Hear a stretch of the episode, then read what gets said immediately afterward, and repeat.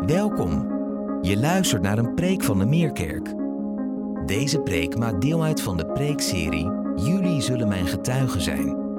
In deze serie staan we stil bij het boek Handelingen en ontdekken we hoe de eerste christenen geraakt werden door de liefde van Jezus. En ze wisten zich geroepen om van die liefde te getuigen. Zo roept Jezus ook jou. Goedemorgen.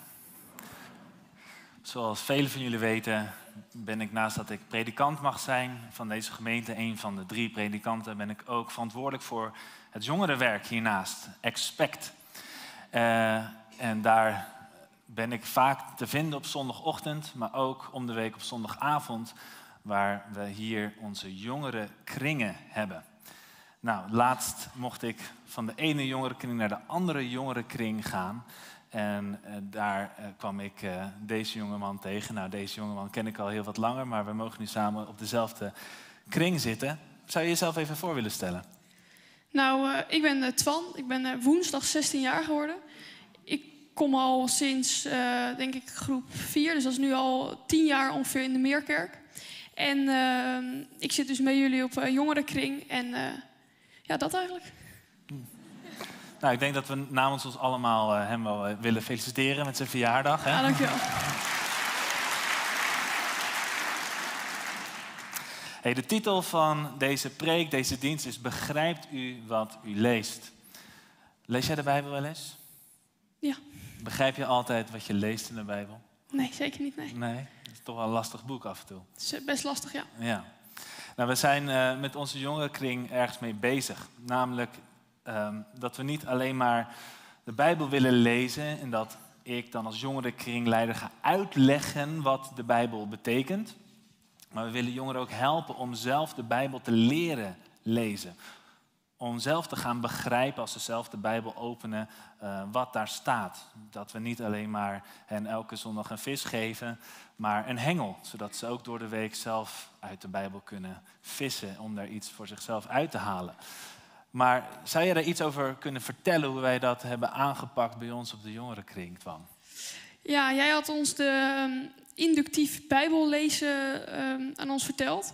Uh, en dat is een, uh, dan ga je Bijbel lezen in drie verschillende rondes. En, um, en dan ga je eerst ga je de tekst observeren. Dus dan ga je observaties, dus dan ga je kijken wat staat er. Uh, denk je bij aan de vijf W's. Dus wat, wie, wanneer. Uh, uh, waar vond het plaats? En uh, ook naar oorzaak-gevolg ga je dan kijken. En dan in ronde 2 ga je kijken wat betekent dit echt?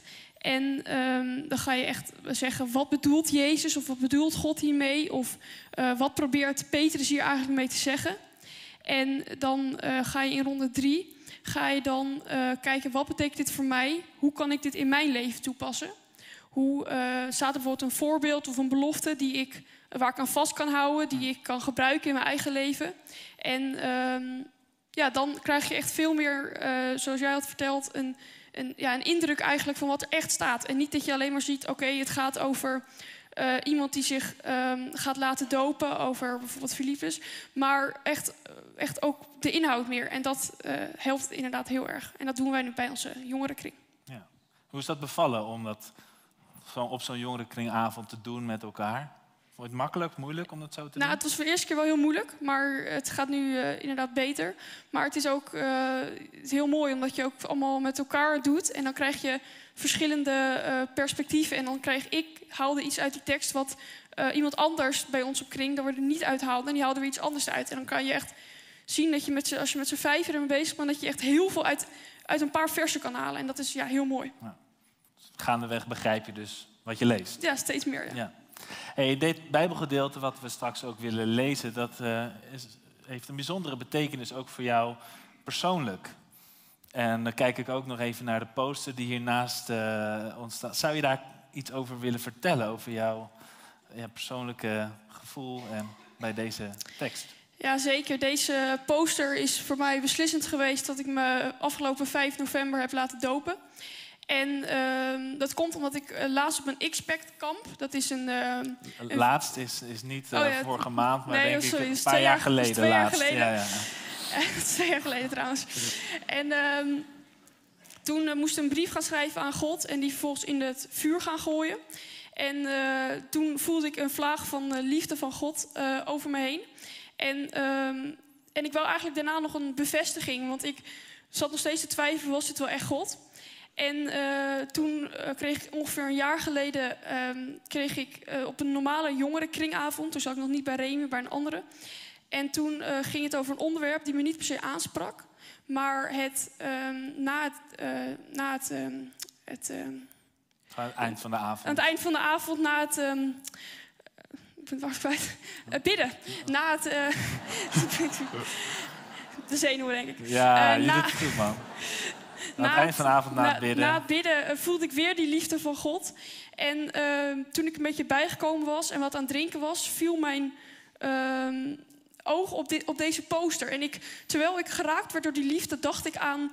wil ik misschien wel laten dopen misschien? Omdat ik nu het gevoel twee keer heb gehad. Maar ik had nog steeds mijn twijfels. Ben ik misschien niet te jong? Ben ik wel goed genoeg?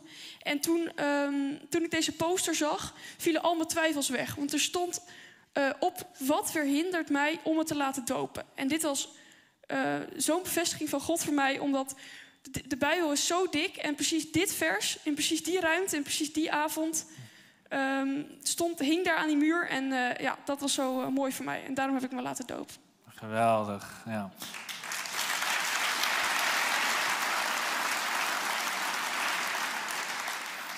Het, was ook een eer om samen met jou in het dooppad uh, te mogen staan. We hebben er ook een aantal foto's van, van afgelopen november. Hoe wij uh, daar zo stonden. Nou, nou, dit is de droge foto en altijd een natte foto nog even. Ja, was, uh, was echt heel mooi. Nou, ik wil ook graag het Bijbelgedeelte met jullie lezen uit Handelingen 8. En daarna zullen we een lied zingen, Bewerk ons hart, om ons voor te bereiden ook over uh, de preek. Maar eigenlijk is met dit verhaal misschien wel het meeste al gezegd. Laten we Gods woord lezen. Handelingen 8 vanaf vers 26. Een engel van de Heer zei tegen Filippus: Ga tegen de middag naar de verlaten weg van Jeruzalem naar Gaza. Filippus deed wat hem gezegd werd en ging naar die weg toe. Net op dat moment was daar een Ethiopiër, een eunuch, een hoge ambtenaar van de Kandake, de koningin van Ethiopië. En hij was belast met het beheer van haar schatkist.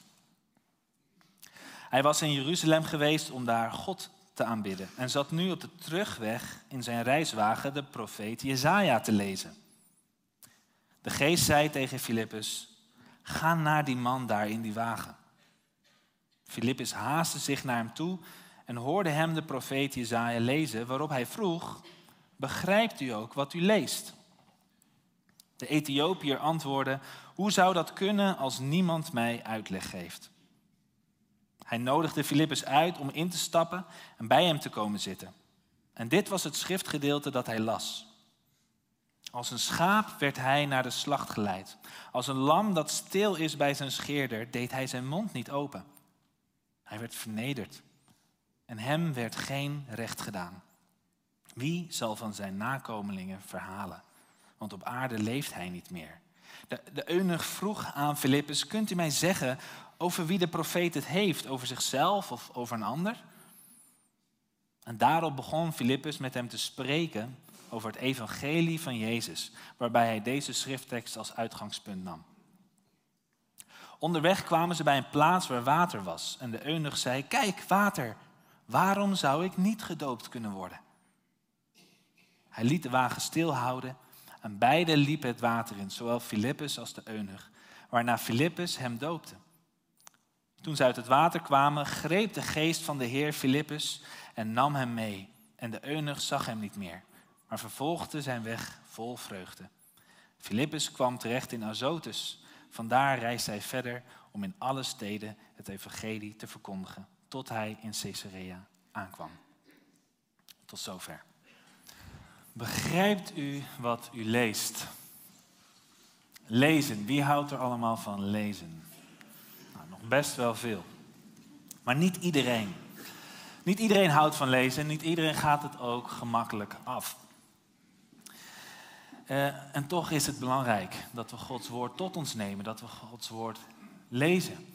En niet alleen maar lezen, maar dat we ook gaan begrijpen wat we lezen. En daarom wilde ik heel graag dat jullie het verhaal van Twan hoorden.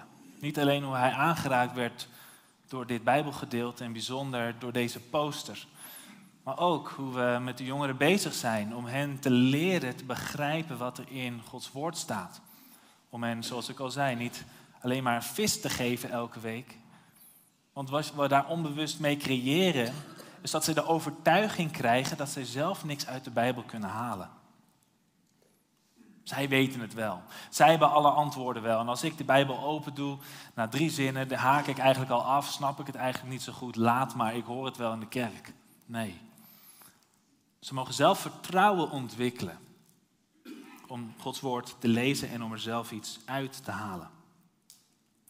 En zoals ik al zei, hebben wij daar een Bijbelstudiemethode voor toegepast. De inductieve Bijbelstudiemethode. Ik weet niet of je daar wel eens van gehoord hebt.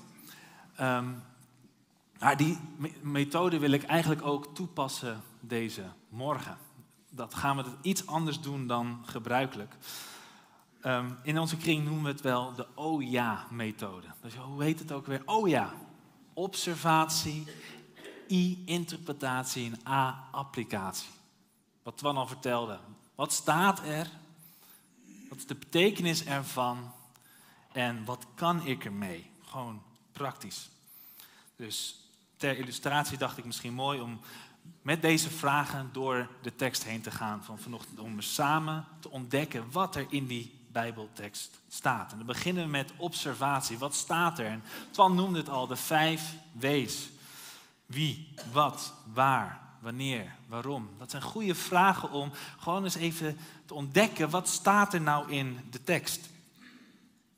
Nou, ik heb een iPad meegenomen en als het goed is, uh, wordt deze verbonden nu ook uh, met het scherm, zodat jullie mee kunnen lezen. En laten we gewoon samen eens door die tekst heen gaan. En dan pak ik even mijn Apple Pencil. Huppakee. Instellen, kijken of je het doet. Nou, wie? Waar gaat het over? De eerste persoon die we tegenkomen is de engel van de Heer. Laten we die even onderstrepen. De engel van de Heer. Dat is de hoofdpersoon van dit Bijbelgedeelte. Ook al staat er boven Filippus en de Ethiopiër, maar de eerste die we tegenkomen is de engel van de Heer. En later eh, in vers 29 wordt hij de geest genoemd. Oftewel, het is de heilige geest van God die spreekt tot Filippus. En zelfs aan het einde van het verhaal, zoals we net al lazen, nam hij Filippus ook weer mee. Oftewel, de Heilige Geest is de regisseur van deze ontmoeting. Hij trekt hier aan de touwtjes. En hij zei tegen Filippus, laten Filippus dan een ander kleurtje geven, rood. Filippus, wie is Filippus? Nou, we zitten nu in hoofdstuk 8, maar Filippus werd al eerder genoemd in hoofdstuk 6, een van de zeven wijze mannen. En we hebben vorige week nagedacht over Stefanus. Stefanus werd gestenigd. En na de dood van Stefanus ja, was er, brak er vervolging los in Jeruzalem. En de gemeente moest vluchten naar Judea, naar Samaria. En we lezen dat ze daar het evangelie gingen verkondigen. Waaronder ook Filippus, die ging naar Samaria toe. En in hoofdstuk 8 lezen we dat, hoe velen door zijn verkondiging tot geloof zijn gekomen en dat hij mensen mocht dopen. En op dat moment daarna komen we dit verhaal tegen, dat Filippus uh, op pad gestuurd wordt door de Heilige Geest. Nou, hij wordt, en dan zien we uh, een uh, wanneer vraag, gaat tegen tegen de middag. Oftewel op het heetst van de dag. En dan ook nog eens naar een verlaten weg. Een andere Bijbelvertaling heeft het over een eenzame weg. Er waren twee routes van Jeruzalem naar Gaza. Eén was de populaire route en de andere was de minder populaire route. En het is aannemelijk dat hij gestuurd werd naar die verlaten weg. Wie gaat er nou naar de woestijn? Het heetst van de dag. Het was niet de juiste plaats, het was niet de juiste plek. En toch werd Filippus daar naartoe gestuurd en hij deed wat hem gezegd werd. Hij was gehoorzaam. Nou, op dat moment was daar de Ethiopiër. Nou, laten we hem een groene kleur geven, de Ethiopiër. Een buitenlander. Hij heeft 1500 kilometer ongeveer af moeten leggen om op deze plek te komen. Dat was niet mis. Het was een gevaarlijke reis. Iemand uit Ethiopië. En er staat dat hij een eunig is. En dat gaat gepaard met het feit dat hij een ambtenaar is. Een eunig is iemand die gecastreerd is. En hij was een hoge ambtenaar. En het was gebruikelijk in die tijd dat wanneer je een hoge ambtenaar was, zeker als je in dienst stond van de Kandake, oftewel de koningin van Ethiopië, dat je dan gecastreerd werd. Op die manier werd er dan verzekerd dat wanneer je in het bijzijn kwam van de koninklijke familie, dat je in ieder geval geen dames kon bezwangeren. Dus dat was de prijs die je moest betalen, wilde je die hoge functie mogen bekleden, een hoge ambtenaar. En hij was in bijzonder belast met het beheer van haar schatkist, de minister van Financiën.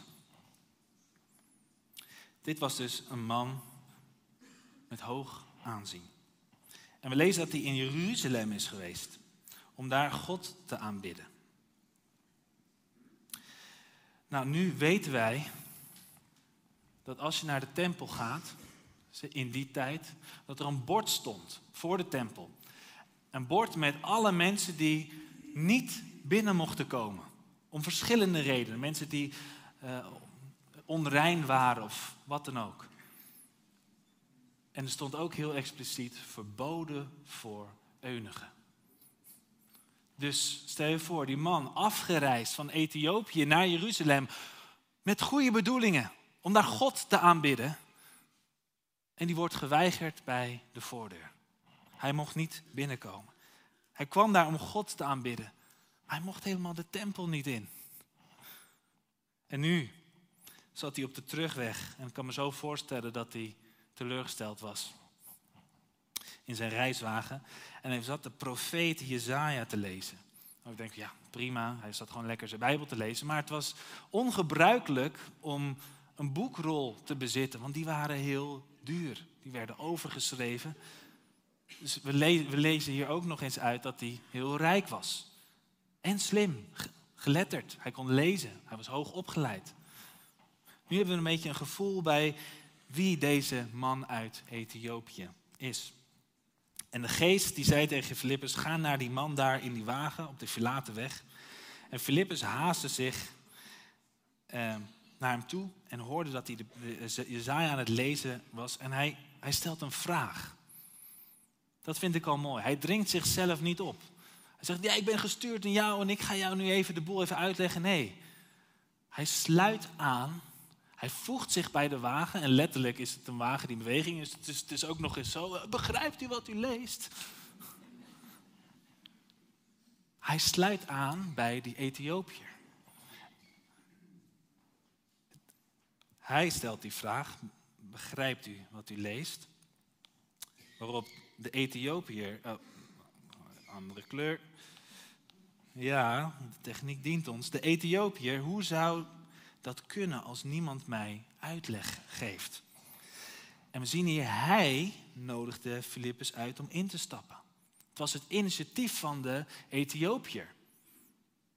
Filippus, die dringde zichzelf niet op. Hij bood zichzelf aan. En het was de Ethiopiër die ja zei en hem uitnodigde om bij hem in te komen, stappen in zijn wagen. Om samen dat schriftgedeelte te lezen. En hier zien we het. Een gedeelte uit Jesaja 53. Als een schaap werd hij naar de slacht geleid. Als een lam dat stil is bij zijn scheerder, deed hij zijn mond niet open. Het is niet toevallig dat hij Jesaja 53 aan het lezen was. Dit hoofdstuk wordt wel het evangelie van het Oude Testament genoemd. Waarom? Omdat het zo duidelijk over de Heer Jezus gaat. Mensen die evangeliseren in Israël, die gebruiken Jezaja 53 ook om het gesprek aan te gaan met Joden. En vaak kennen ze het hoofdstuk niet. Die evangelisten, die noemen het ook wel het verboden hoofdstuk van de Tenach. En dan lezen ze het en dan vragen ze, aan wie doet dit jou denken? Over wie gaat dit? Het gaat dan over de Messias. Laten we lezen, Jezaja 53. Hij werd veracht door mensen, gemeden. Hij was een man die het lijden kende, met ziekte vertrouwd was. Een man die zijn gelaat voor ons verborg en door ons werd verguisd en geminacht. Maar hij was het die onze ziekte droeg, die ons lijden op zich nam. Wij echter zagen hem als een verstoteling door God geslagen en vernederd. Maar daar komt hij. Om onze zonde werd hij doorboord. Om onze wandaden gebroken. De straf die hij onderging bracht ons vrede. Zijn striemen bracht ons genezing. En Filippus kon aan de hand van dit Bijbelgedeelte vertellen over wie Jezus is. Het evangelie van Jezus. En dat zien we hier. Daarop begon Filippus met hem te spreken over het evangelie van Jezus. Deze schrifttekst als uitgangspunt. Nu, als hij een ander schrifttekst had gelezen, had Filippus niet iets anders uitgelegd. Het maakte eigenlijk niet uit waar hij zat te lezen, want Filippus was vastberaden om deze man te vertellen over Jezus. Daarom gaat deze Ethiopiër niet naar huis met, oh, nu begrijp ik waar Jezaja 53 over gaat. Nee, hij nam deze schrifttekst als uitgangspunt om te begrijpen waar heel het Oude Testament over gaat. Namelijk over Jezus. Zijn ogen gingen open voor wie Jezus is. En hij hoorde het evangelie en hij begreep het.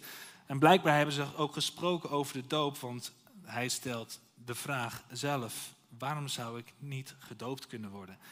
En de rest is geschiedenis. Dus de wagen werd stilgehouden. Beiden liepen het water in en hij werd gedoopt.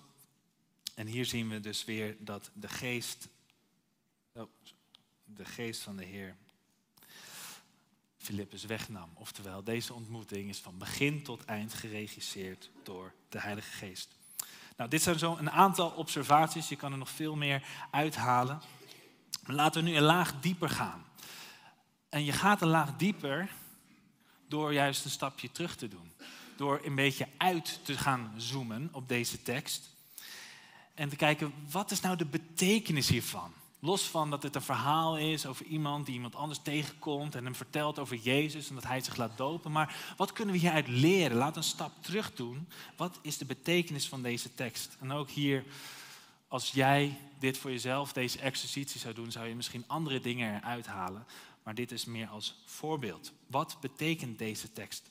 Nou, om de betekenis in een tekst te ontdekken, moet je op zoek gaan naar de spanningen die in die tekst aanwezig zitten. Soms zijn er een aantal dingen die een beetje met elkaar schuren. En dan is de vraag, wat is de spanning in deze tekst? Ik zie een spanning tussen inclusiviteit en exclusiviteit. Sorry voor de moeilijke woorden, maar laat mij het uitleggen. Aan de ene kant laat dit verhaal de inclusiviteit van het evangelie zien. Oftewel, iedereen is welkom. Zelfs iemand uit Ethiopië. Zelfs een buitenlander.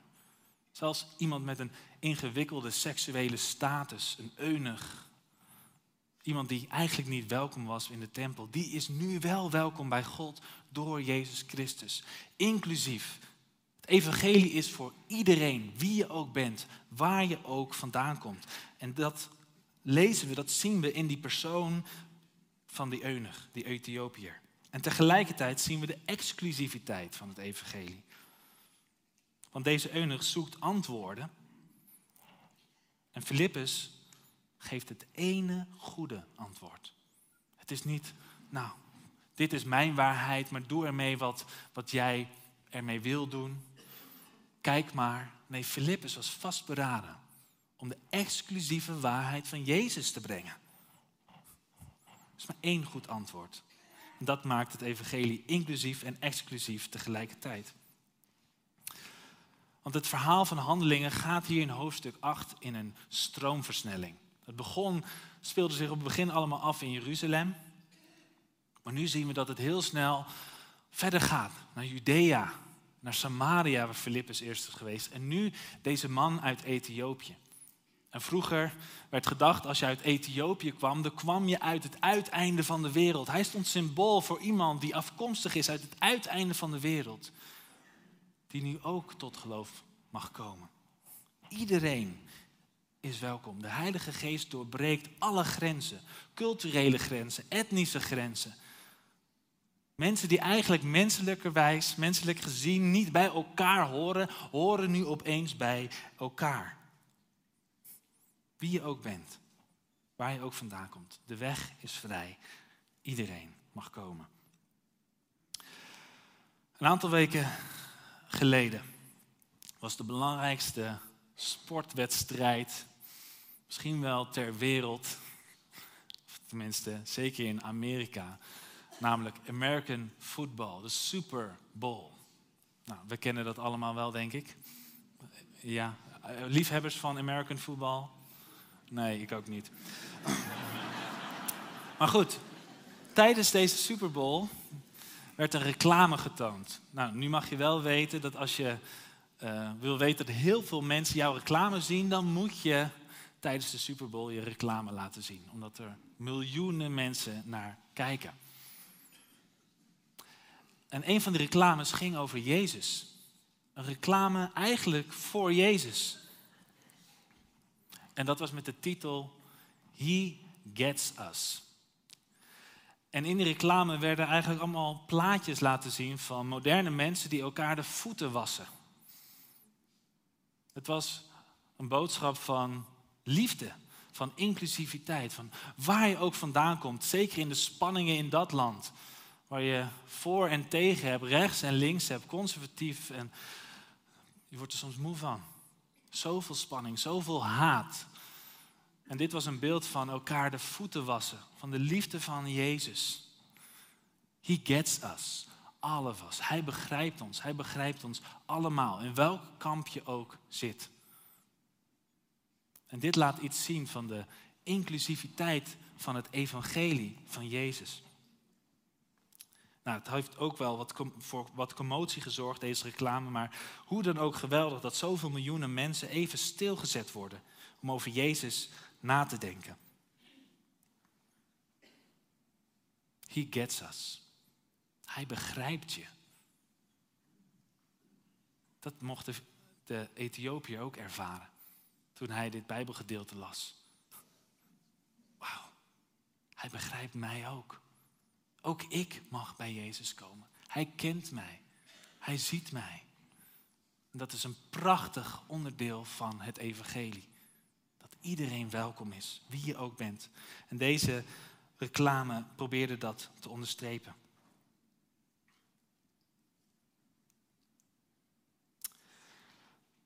Maar ja, aan de andere kant is het waar dat Hij ons begrijpt. Maar is dit niet het evangelie? Hoe waar dit ook is, hoe bemoedigend het ook klinkt. Maar He gets us, Hij begrijpt ons, dat is niet het evangelie. Het feit dat Hij ons allemaal begrijpt is een wonder. Je bent welkom bij Jezus, dat is ongelooflijk. Maar het is niet het evangelie. Jezus is in die zin inclusief, dat je altijd bij Hem terecht kunt. Maar de denkfout is dat deze boodschap van inclusiviteit aan zich het evangelie is. Dat is niet het evangelie. Dat hij je begrijpt. En dat, je, dat hij naast je komt staan. Dat hij met je mee kan huilen. Jezus is niet gekomen om inclusief te zijn. Om iedereen te begrijpen. Hij is gekomen om iedereen te redden. Het is niet he gets us. Het evangelie is, he saves us. Hij redt ons. Hij redt jou. Niet dat hij jou begrijpt, dat is niet het goede nieuws. Begrijp dat hij jou wil redden van de dood. Dat hij jou wil vergeven van zonde. Dat is het goede nieuws. En dan komen we terug naar de tekst. Want daar zit deze spanning ook in. Aan de ene kant dat de buitenlandse eunuch welkom is. En tegelijkertijd is het heel exclusief, want Filippus had maar één doel, namelijk om Jezus te verkondigen. Er is maar één weg naar de Vader. En dat is door Jezus. Er is maar één manier om gered te worden. Dat is door Jezus. En dan zien we ook dat Filippus niet vraagt: Wat vind je van wat je leest? Wat vind je ervan? Nee, hij, hij vraagt, begrijpt u wat u leest? Hij kwam om het goede antwoord te brengen. Begrijp je het? Wij kunnen soms de Bijbel lezen en dan lezen wat ons aanspreekt. Oh, dit voelt goed. Oh, dit vind ik mooi. Dit vind ik inspirerend en dat is allemaal goed en dat is allemaal prima. Maar het gevaar is dat je de Bijbel selectief gaat lezen en alleen maar de dingen eruit pikt die jou aanspreken. En op het moment dat het schuurt, op het moment dat jou een spiegel wordt voorgehouden, leggen we de Bijbel weg. Maar de vraag is niet, wat vind je van wat je leest? Begrijp je waar het over gaat? Snap je ten diepste wat hier gezegd wordt? Snap je dat het gaat over één persoon, namelijk over Jezus? Dat er maar één weg naar de Vader is en dat is door Hem. En daarom leest hij Jesaja 53. Om onze zonde werd Hij doorboord, om onze wandaden gebroken. Hij stierf in onze plaats, in jouw plaats, zodat jij weer bij de Vader mag komen. Nou, daar komt het. Zie je wel? De aap komt uit de mouw. De aap van de christenen die het altijd hebben over Jezus. Toch exclusief. Ik dacht dat iedereen welkom was, maar toch moet je weer allemaal hetzelfde geloven. Ja, herken je die gedachte? Bij jezelf, bij anderen misschien wel, die kritiek. Dat kan je toch niet zeggen? Weet je hoeveel mensen je daarmee uitsluit die niet in Jezus geloven? Wat gebeurt daar dan mee? Maar wat je moet beseffen, is dat wat je ook denkt over God, wat jij ook denkt over wat de waarheid is, iedereen is exclusief. Iedereen sluit wel ergens mensen buiten. Ook als jij denkt dat alle religies hetzelfde zijn en maakt niet uit wat je gelooft, maar het leidt allemaal op, op een of andere manier wel tot diezelfde God. Ook daarin sluit je heel veel mensen uit. Wat wel eens gebruikt wordt, is het voorbeeld van de olifant en de blinde mannen. Wie kent dat voorbeeld? Wie kent dat verhaal? Ik heb er een plaatje bij gevonden.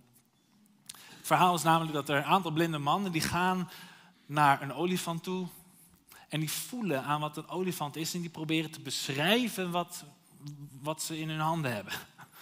En de ene die zit aan, aan het been en die zegt, ja, het voelt een beetje als een boomstronk.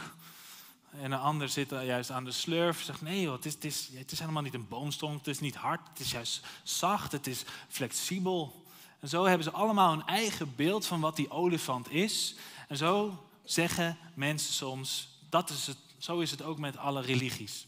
Ze voelen allemaal eh, op een, aan een ander plekje van die olifant, maar ze hebben het eigenlijk allemaal, over hetzelfde. Het is allemaal God, maar ze noemen het anders, ze beschrijven het anders.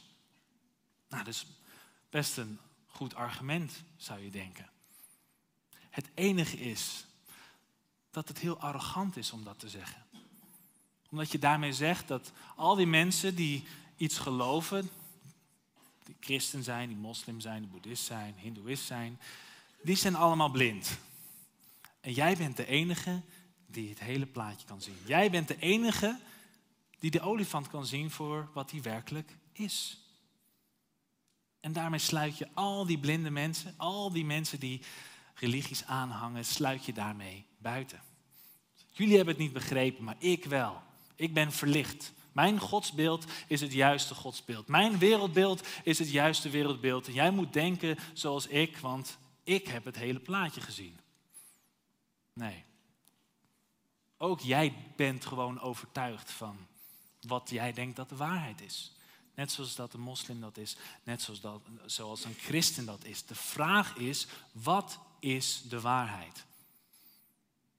Van al die opties kunnen we niet zeggen, ja, iedereen heeft zijn eigen waarheid. Uiteindelijk is één ding waar. En de Bijbel zegt dat dat antwoord Jezus is. Het is een exclusieve boodschap.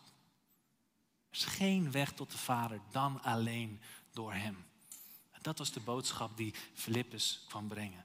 Zo zit die spanning in deze tekst. Van aan de ene kant de inclusieve liefde van Jezus en tegelijkertijd zijn exclusieve waarheid. Iedereen is welkom bij God, maar door één deur. Het is Jezus. Hij is de sleutel tot alle deuren. Hij is dat ene puzzelstuk die de hele puzzel compleet kan maken. Jezus en Jezus alleen. Nou, dan komen we bij de laatste fase. Applicatie. Als dit allemaal waar is, wat, wat kan ik er dan mee? So what? Dan is de kunst om in de huid te gaan kruipen van deze personen over wie je hebt gelezen. En dat hun verhaal ook jouw verhaal mag worden. Misschien ben jij wel net als deze Ethiopiër. Op zoek naar God. Afstanden afgelegd. Om die leegte in je ziel, in je hart op te vullen. Maar je weet maar niet waar je moet zoeken. In eigen land heb je het niet gevonden. Dus ga je een gevaarlijke reis aan. Om God te vinden, om God te aanbidden. En dan kom je daar aan bij een tempel. De mensen die je zouden moeten omarmen en die sluiten je buiten. Die, die wijzen je de deur. Misschien heb je dat wel eens ervaren. De mensen die voor je hadden moeten zorgen, die hebben jou weggeduwd.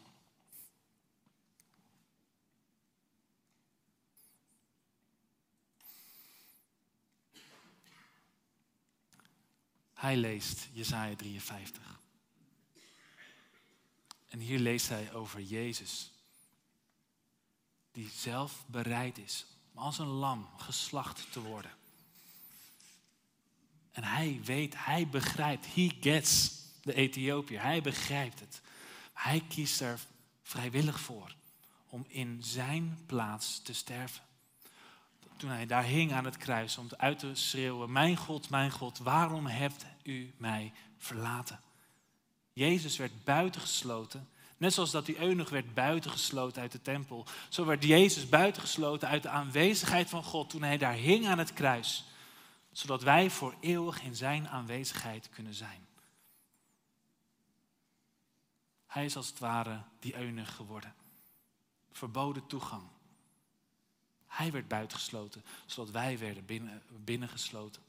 Want het verhaal van de eunuch is ook jouw verhaal. Ook als jij aan gaat kloppen bij God, staat er ook verboden voor zondaars.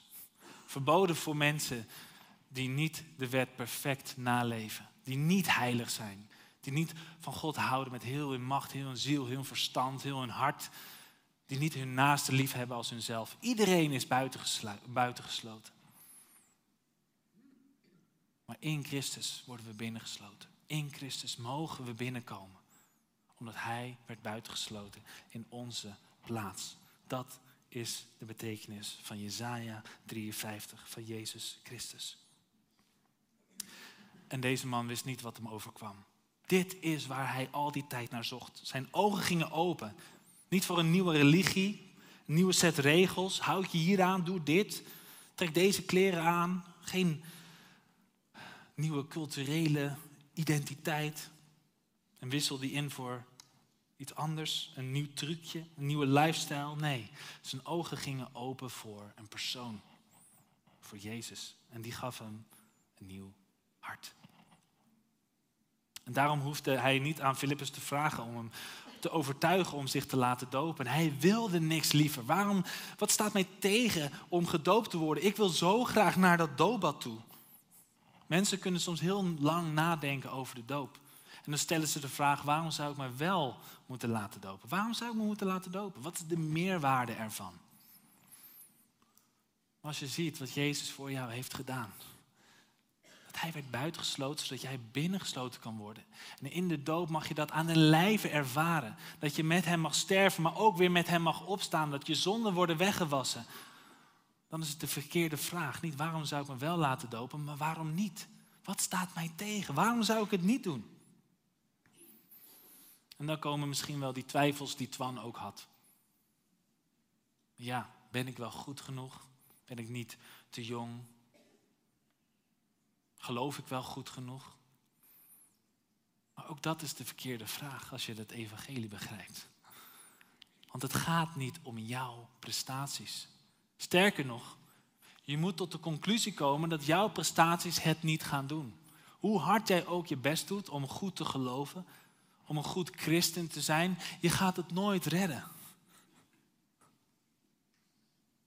Wat jou kwalificeert om je te laten dopen is juist dat je erkent dat je nooit goed genoeg zult zijn. En dat je een redder nodig hebt. Dat je iemand nodig hebt die jouw zonde weg kan wassen, omdat je het zelf niet kan. Dat is wat de doop betekent. Om jezelf over te geven aan Hem. Aan Zijn genade. Te zeggen, ik kan het niet zelf, wilt u het doen? Waarom zou ik me niet, niet gedoopt worden? In ieder geval niet om mijn prestaties. Daar gaat het juist niet om. Het gaat om zijn prestaties. Toen hij stierf aan het kruis voor jou. En dat is genoeg. Dat is voldoende. Zijn genade is voldoende. Dat is het evangelie. En vol vreugde ging deze Ethiopiër op weg. En ik ben benieuwd uh, hoe hij het in zijn eigen land weer uh, verteld heeft. Misschien is hij daar wel een halve cursus begonnen. Hier de eunuch zag. Hij vervolgde zijn weg vol vreugde. Hij ging terug naar Ethiopië. Maar misschien werd deze eunuch wel een Filippus voor de mensen in zijn eigen land. Mocht hij zich voegen bij hun wagens en hun vertellen over wie Jezus is. En misschien herken je het wel. Dat je als een Filippus soms de ervaring hebt dat je op pad gestuurd wordt. Misschien wel dat je een gedachte in je hoofd krijgt van, oh, ik moest aan die en die denken. Misschien moet ik daar iets mee. Misschien moet ik hem opbellen. Misschien moet ik hem even bezoeken. En tegelijkertijd, als je op mij lijkt, ga je ook meteen twijfelen van, ja, is dit wel van de Heer? Is dit wel zijn stem? Of bedenk ik dit gewoon nu zelf? En ga je twijfelen en die ander zit misschien helemaal niet op, op mij te wachten en doe je uiteindelijk niks. Het is belangrijk dat we afgestemd zijn als een Filippus op de Heilige Geest, op wat Hij ons wil vertellen, op waar Hij ons naartoe wil leiden. Een aantal weken geleden, toen mocht ik samen met mijn collega Johan van den Berg, die pastoraal werk doet, eh, iemand bezoeken. En dat doen we wel vaker. En zij heeft vaker ideeën in haar hoofd. oh, hoe zou het met die gaan? Of ik zou naar die moeten, eens een keer moeten opzoeken. En vaak stapt ze dan in de auto. En negen van de tien keer komt ze als geroepen. En zo ook deze ene keer. Ik moet even gaan naar Lex. Hoe gaat het met Lex? En ze vroeg of ik mee kwam. En ik had ook het gevoel van, ja, ik moet dit doen. Ook al heb ik een druk schema, maar ik ga mee. En samen gingen we op pad naar Lex toe. We kwamen bij hem thuis binnen en we zagen dat het heel slecht met hem ging. Veel slechter eigenlijk dan we dachten. Hij lag op sterven. En nog geen drie minuten later dat wij aankwamen, overleed Lex.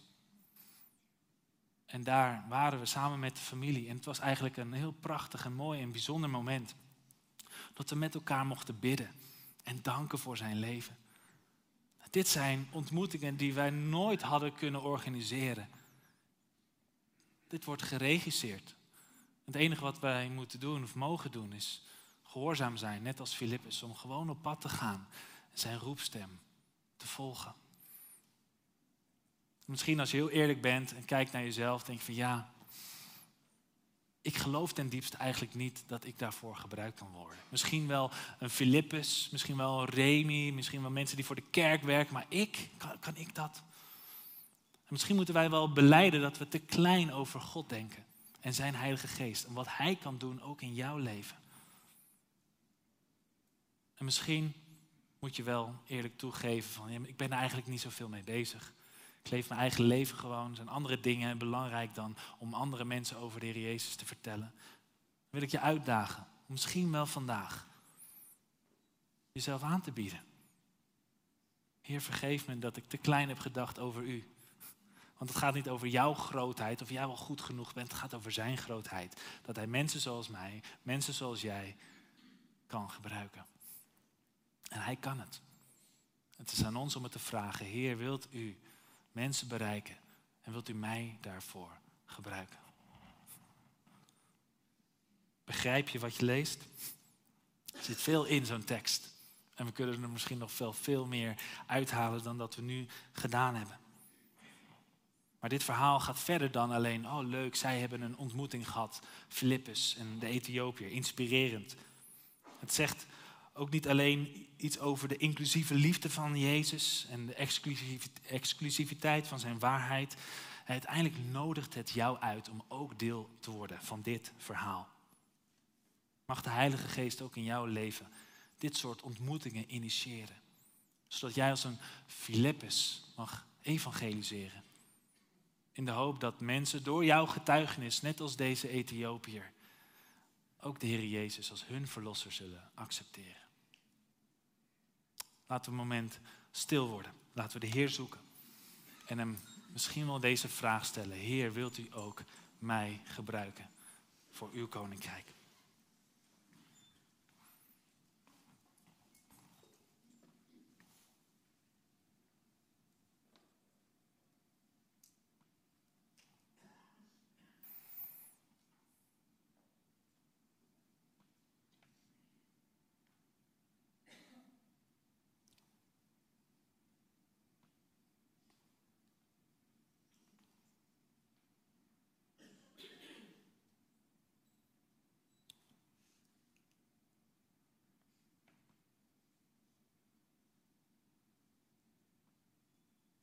God, dank u wel voor dit verhaal. Dank u wel voor uw liefde. De liefde die u betoonde aan deze man. Die er niet bij hoorde. Die zo op zoek was. U heeft hem verwelkomd.